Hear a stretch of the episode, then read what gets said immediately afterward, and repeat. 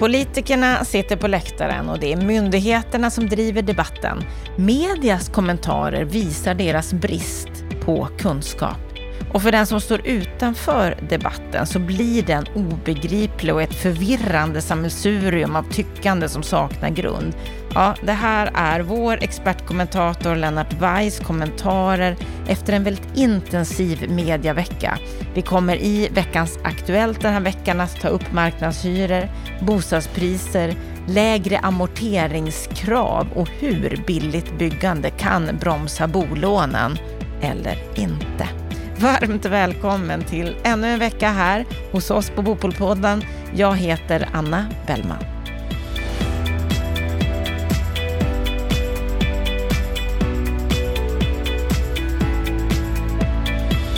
Under veckan som har gått så har det varit otroligt många nyheter när det gäller det bostadspolitiska området. Och vi börjar med en debattartikel från Vänsterpartiet i DN den 31 maj. Det har om marknadshyror att göra. Vad säger du om den här debattartikeln, Lennart Weiss? Ja, nu kan man ju säga att det, nu sätter det igång på allvar därför att alla har ju suttit och väntat på att de här tre stora utredningarna om hyressättningssystemet skulle komma. Och eh, nu på fredag faktiskt så offentliggörs den här utredningen. Så att eh, det som ju debatten handlar och kommenterar än så länge, det är ju det som har läckt ut ifrån utredningen. Och precis som du säger så har då Vänsterpartiet gått ut i debatten med dess partiledare Nooshi Dadgostar och den bostadspolitiska talespersonen Momodou Malcolm Jallow och, och stormar mot marknadshyrorna. Och den här artikeln är intressant på ett par, tre olika sätt. Det första de säger det är ju att eh, med regeringens reform så kommer nyproduktionshyrorna att drivas upp ytterligare. Det påståendet menar jag är felaktigt. Det finns väldigt lite som pekar på att nyproduktionshyrorna kommer att eh, öka. De ligger redan nära marknadsnivån. Kanske i ett eller annat attraktivt läge i Stockholms innerstad så skulle det kunna ske. Men där byggs ju egentligen ingenting nytt. Jag kan flika in att Stellan Lundström har ju då Eh, Eh, publicerat en debattartikel på bostadspolitik under den här veckan där han delvis kommenterar den här debatten på temat eh, vi måste diskutera eh, rätt frågor. Jag ska be att få återkomma till det. Men precis som jag gör så dementerar ju Stellan Lundström att eh, just den här reformen skulle driva upp hyrorna i nyproduktionen. Det är inte sannolikt. Men sen påpekar ju vänstern, vilket jag ger dem rätt i, att det här är ju så att säga sannolikt det första steget i en tänkt längre reformserie, i varje fall ifrån de som är initiativtagare till det här, fastighetsägarna och delar av, av borgerligheten. Och det kan man ju bara hålla med om. Jag menar, man skulle ju inte driva den här frågan om marknadshyror i nyproduktionen om inte avsikten var att det skulle omfatta hela beståndet.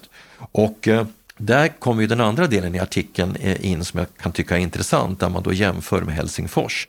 Där ökade ju då förvisso eh, inte, eh, där, där, där, eh, kan man säga att där fick man den här effekten som Vänsterpartiet varnar för. Först marknadshyror i nyproduktionen, därefter i beståndet och när hyrorna ökade i beståndet så steg de med 40 procent, vilket har gjort att kostnaderna för bostadsbidragen har exploderat. Svenska analyser visar att skulle vi införa marknadshyror i beståndet så skulle hyresökningarna bli ännu större i attraktiva lägen. Och det är klart som sjutton att det skulle få en påverkan på, på bostadsbidragen. Så där ger jag Vänsterpartiet rätt. Det som ju rent allmänt då sen blir den här artikelns eh, haveri, det är när man sen då går in och diskuterar bostadsmarknaden i stort. Därför att då, då blir ju tankegången att man ska då subventionera produktionen av hyresbostäder genom statliga topplån Dessutom så menar man att man ska införa statliga renoveringsbidrag till, all, till, till miljonprogrammet. Ja, men vad, vad blir logiken då? Om man måste subventionera upprustningen i miljonprogrammet så betyder ju det enkelt talat att du har en renoverings, eh, att du har en underhållsskuld. Vem är, det som, vem är det som subventionerar upprustningen utav villaägarnas bostäder eller bostadsrättsföreningarna? Det får ju de boende göra själva, möjligen då med, med ROT, men, men, men i övrigt helt på egna meriter. Så att man kan säga att Vänsterpartiets analys håller ganska väl så länge de håller sig till nyproduktionshyror och kopplingen till marknadshyror i beståndet. Det havererar tämligen rejält när man ska diskutera bostadspolitiken i stort, men det är väl tyvärr inte så särskilt nytt när det gäller Vänsterpartiet.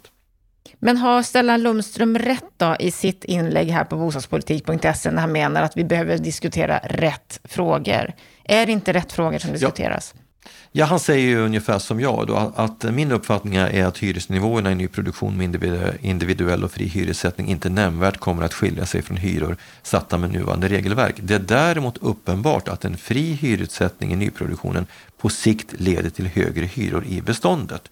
Och det han ju gör sen, det är att han väldigt kortfattat och effektivt beskriver vad som har hänt på svensk bostadsmarknad de senaste 40 åren och konstaterar helt korrekt att det har varit oerhört förmånligt att bo i det ägda beståndet. Det är där så att säga värdestegringarna har skett. Och så eh, landar han i en slutsats som ju går tvärt Vänsterpartiets ståndpunkt för att vika tillbaka till, till det inlägget. Om vi anser att boendet har en fundamental social och ekonomisk roll i ett välfungerande samhälle, då bör den sociala bostadspolitiken fokusera på att hushållen ska etablera sig på ägarmarknaden. Vi kan lära av Norge och flytta debatten till bostadsmarknadens, till hela bostadsmarknadens funktion. Och där eh, sätter han ju liksom fingret eh, eh precis på, på, rätt punkt i debatten. Det, det är ju en ståndpunkt som ligger eh, väldigt nära den som Veidekke har förfäktat i flera år. Man måste liksom se hela bostadsmarknaden som en resurs för den sociala bostadspolitiken. Och hela eh, det som är så att säga, den svenska bostadsdebattens blinda fläck, det är förståelsen för att man kan skapa en social bostadsägarmarknad som dessutom gör att den enskilda hushållen får del av värdetillväxten på fastighetsmarknaden. Med Vänsterpartiets politik så, är, så kommer ju värdetillväxten bara tillfalla fastighetsägarna, vilket ju är för mig en väldigt konstig eh, logik från ett rent fördelningspolitiskt perspektiv. Men i varje fall två inlägg som belyser samma sak men från lite olika perspektiv och där jag tycker att Stellan Lundström representerar en helhetssyn.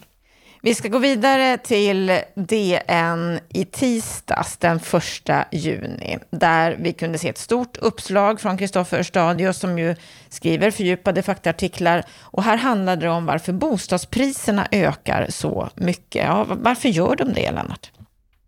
Ja, alltså det han gör det är ju att eh, liksom många andra eh, ta fasta på att vi haft prisökningar under väldigt lång tid. Han skriver att bostadspriserna stigit kraftigt de senaste 16 åren. Det är korrekt och det är ju en effekt av långsiktigt fallande räntor. Vi har haft fallande räntor sedan i mitten på 90-talet, även om de sannolikt inte kan falla mer från den här nivån, sannolikt kommer att öka något från den här nivån, så talar allt för att vi lever i ett lågräntesamhälle och det beror ju på att vi har lagt om den ekonomiska politiken i grundläggande avseende. Men det han sen lyfter fram, som ju det är väldigt många inlägg eh, om just nu, det är varför prisutvecklingen har varit så dramatisk under pandemin. Och där tycker jag ju att han i likhet med många andra både har rätt och fel, det vill säga man missar en del aspekter. Det Örstadius gör, liksom Finansinspektionen har gjort, det är att man pekar på den dramatiska prisökningen det senaste året. Men den som tittar på prisutvecklingen under de senaste åren noterar ju att vi hade ett väldigt kraftigt prisfall hösten 2018. Och du Anna vet ju varför kreditrestriktioner. Kreditrestriktionerna med skuldkvotstakets införande och med amorteringskrav 2 ledde till att vi fick ett brant fall eh, i bostadsefterfrågan hösten 18, våren 19. Och det som har skett nu under det senaste året, det är ju i huvudsak att priserna har gått tillbaka till den nivå vi hade före prisfallet. Så resonemanget om tvåsiffriga prisökningar måste ta fasta på att vi hade ett prisfall. Men hushållens underliggande förmåga att efterfråga i termer av disponibla inkomster och finansiella tillgångar har ju inte förändrats utan de har ju tvärtom förstärkts. Så då är vi tillbaka till vad är det för mekanismer som driver på prisutvecklingen just nu? Och då kan man ju konstatera att eftersom arbetslösheten inte föll under pandemin, där kan man ju säga att regeringens stödpaket har upprätthållit hushållens efterfrågan på total nivå jag menar, sysselsättningen eller arbetslösheten ligger ju just nu på ungefär 7 procent. Man spådde att det skulle kunna gå upp till 20 procent. Så blev det inte. Därmed har vi stöd åt bostadsefterfrågan. Hushållens eh, inkomster har inte eh, minskat. De finansiella tillgångarna har tvärtom ökat tack vare att man har utsatt hushållen för en typ av tvångssparande. Så där ser man ju en förklaring. Men så kommer han in på en sak till som jag vill kommentera. Han säger så här. De större lägenheterna har ökat betydligt mer i pris än mindre lägenheter och drar slutsatserna eh, dra slutsatsen, eh, precis som Riksbanken gjorde i en rapport för ett, ett par, tre veckor sedan som vi har kommenterat, att det här tyder på en förskjutning av efterfrågan.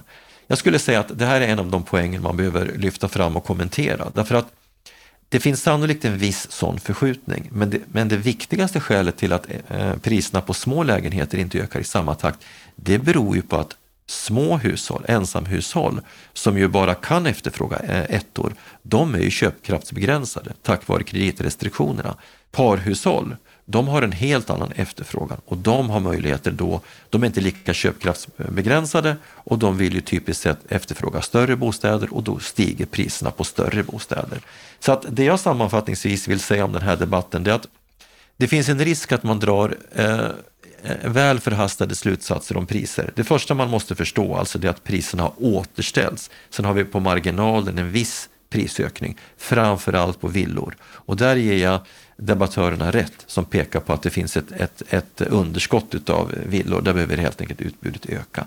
Det andra som man måste peka på, som jag tror kommer vara en underliggande trend de närmaste åren, det är att vi har en viktig demografisk förändring. Därför att nu kommer de stora 80-talskullarna ut på bostadsmarknaden och de är just nu i färd med att bilda familj. De efterfrågar inte ettor, de vill ha större bostäder. Så där kommer så att säga demografin att ge stöd åt efterfrågan på större bostäder.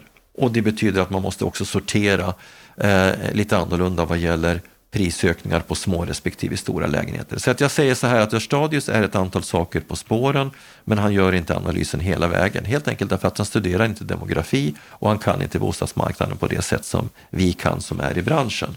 Och det är tyvärr flera då som, som gör samma typ av, vad ska vi säga, delvis felaktiga slutsatser baserat på att man tittar lite för enögt på, på, på kurvan men inte ser bakomliggande förklaringar till prisökningarna. Mm, vi, vi tar och går vidare, för vi har ju gjort ett antal fynd till här under veckan. Och det i Dagens Industri i den 31 maj, där var det Jenny Pettersson som har skrivit om att nu kan du som har bott med de nya amorteringskraven i fem år omvärdera din bostad och därigenom slippa eller markant sänka din amortering. Det här är väl ändå lite intressant? Det är intressant, det där är en bra spaning. Hon skriver att det här kommer att lösgöra ett antal tusen lappar. Och då kan vi ju bara påminna om hur regelverket fungerar. Om du då eh, åkte in i det första amorteringskravet så har du nu möjligheter att eh, gå till banken, begära en omvärdering av bostaden. Den har ökat i värde. Därmed så kommer din belåningsgrad att minska och då har du ett större låneutrymme. Så man kan säga att insider-outsider problematiken kommer ju därmed förstärkas. De som redan är inne på bostadsmarknaden kan nu ha, dra nytta av att man omvärderar och därmed så kan de skala upp sitt boende, gradera upp sitt boende. Så det är en riktig spaning och det är en effekt av hur systemet fungerar. Det är till stor glädje för de som klev in för några år sedan, men för de som är på utsidan så innebär det ju sannolikt att prisökningarna får fortsatt stöd och då ökar så att säga tröskeln för dem att ta sig in på bostadsmarknaden. Så det blir ännu svårare för de som ännu inte är inne på bostadsmarknaden att ta sig in? Ja, riktigt, precis. Vi ska avsluta veckans Aktuellt den här veckan med en artikel ifrån Dagens Industri igen, från den 30 maj, som refererar till Riksbankens stabilitetsrapport, att det är bara billigt byggande som kan bromsa bolånen. Vad menar man här egentligen? Ja, det som DI då eh, speglade den 30 maj, det var ju eh, just som du säger, eh, Riksbankens stabilitetsrapport och i samband med det så, så medverkade också Finansinspektionen. Och det Finansinspektionen gjorde först, det var ju att man gav en replik till SBAB som genom den rapport Unga och bolån som Robert Boye presenterade för ett par veckor sedan eh, eh, fick det konsekvens att flera banker anpassade sina kalkylräntor. Det där irriterar Finansinspektionen som säger att eh, eh, lägre kalkylräntor gör inte att fler kommer in på bostadsmarknaden. Där har de fel. Eh, man kan med enkla räkneexempel visa att om kalkylräntorna blir lägre, ja då kan du ju så att säga för, för samma eh, inkomster som du har idag låna mer, det vill säga din efterfrågan kan öka och det är ganska stora skillnader redan på en procentenhet och då är fortfarande kalkylräntorna väl höga. Men det, man kan alltså ana att de är irriterade över att bankerna har gjort den här, det här samfällda agerandet och sänkt kalkylräntorna. Men sen så blir det ju riktigt tokigt, va? därför att eh, det grundläggande resonemanget som man ju kommer tillbaka till här, det är ju att det är inte kreditrestriktionerna som är problemet, det är de höga eh, priserna och som vanligt så är det ju då eh, branschen som är problemet och Fredrik Braconier säger då så här att om man ska göra någonting varaktigt på bostadsmarknaden så måste det byggas mer och till rimliga priser. Och det är vi dåliga på i Sverige. Han, eh, djupare än så går inte analysen. Eh, vi som är i branschen vet att det beror på att vi har ett högkostnadsläge eh, i Sverige. Vi har höga löner, vi har höga ambitioner när det gäller klimat och energi, vilket gör att våra hus är dyra och vi har höga markpriser. Och just nu så har vi dessutom en ganska kraftig prisinflation på insatsvaror. Så vad man ska göra åt det eh, är ju svårt att se. Finansinspektionen har inget recept på det heller, utan vad Fredrik Braconier säger, det är att det man borde göra är att bygga med till rimliga priser. Eh, och, och, och, säger då att det vi borde göra är att eh, inrätta riktade program för svaga grupper. Då är vi tillbaka till att myndigheterna så att säga själva skriver ut politiska recept på ett område där de vare sig har kompetens eller mandat att uttala sig. Och det här Men har han inte rätt i det då? Borde vi inte bygga fler billiga lägenheter som fler har möjlighet att efterfråga? Ja, men då, då menar man att man ska ge sig alltså in på en delad eh, bostadsmarknad och det är ungefär det som Finansinspektionen och Riksbanken tycker. De är å ena sidan för prisregleringar på ägarmarknaden. Men samtidigt som de säger det så är de för marknads hyror på hyresmarknaden och, förstå, och verkar inte alls förstå att hyreslagstiftningen är en form av konsumentlagstiftning som har till syfte att skapa rimliga förutsättningar för hyresgästerna. Det är det som liksom ligger i bruksvärdessystemet. Men då ska man då parera en, en, en sån här marknadshyresreform med att införa eh, social housing. Och då, får, då är man ju tillbaka till den här diskussionen som Nooshi Dadgostar och även Stellan Lundström tar upp om vi inför marknadshyror då kommer kostnaderna för bostadsbidragen att öka kraftigt. Den aspekten kommer väldigt sällan fram i debatten. För det andra så är det ju inte gratis att bygga subventionerade bostäder. Veidekke har ju visat att om man ska bygga 30 000 lägenheter med vinhyra, alltså 1000 kronor per kvadratmeter år, då kostar det närmare 40 miljarder kronor i produktionssubventioner. Så det här är ju inget billigt recept. Och den här typen av, det som irriterar mig och många andra, det är ju att man aldrig klarar av att göra en helhetsanalys av de här frågeställningarna. Man klarar inte av att göra som Stellan Lundström, koppla samman hyresmarknad respektive ägarmarknad och förstå vilken del av marknaden som egentligen fungerar långsiktigt bostadssocialt. Man har, gör ingen kostnadsanalys, man gör ingen konsekvensanalys av de förslag man kastar fram. Och det är precis den typen av tänkande som sen återkommer till Sverige då via de internationella myndigheterna. Vi hoppade bock över att OECD har presenterat en rapport under den här veckan med ungefär samma recept som Finansinspektionen och Riksbanken. Och du förstår ju själv var de har fått eh, sina eh, inspel ifrån. De kommer från de svenska myndigheterna. Så att eh, det vi har Eh, sammanfattningsvis, det är ju ett problem, den där bostadsfrågan när det gäller grundläggande parametrar som priser och, och, och prisutveckling, kostnader och sådana saker politiseras väldigt starkt. Man politiserar eh, upplåtelseformerna och man gör inga konsekvensanalyser. Så på något vis så illustrerar ju veckans debattsvep det vi har konstaterat flera gånger. Politikerna sitter på läktaren, det är myndigheterna som driver debatten. När media kommenterar så gör man det med bristande kunskap och för den som står utanför och saknar djupare kunskaper så blir det här ett oerhört förvirrande sammelsurium utav tyckande som ofta är ganska illa grundat. Så jag säger igen, det är dags för politikerna att sätta sig ner och göra en grundlig analys utav olika sakförhållanden och med utgångspunkt ifrån det formulera ett bostadspolitiskt helhetsgrepp. Men dit, Anna, är det tyvärr väldigt långt. Dit är det långt och eh, tills vi kommer dit så kommer vi att fortsätta att kommentera, debattera och försöka påverka så mycket som det går, i alla fall härifrån Bopolpodden. Stort tack för att du följer oss. Stort tack för att du har lyssnat på det här avsnittet. Med detta så önskar vi dig en riktigt trevlig helg.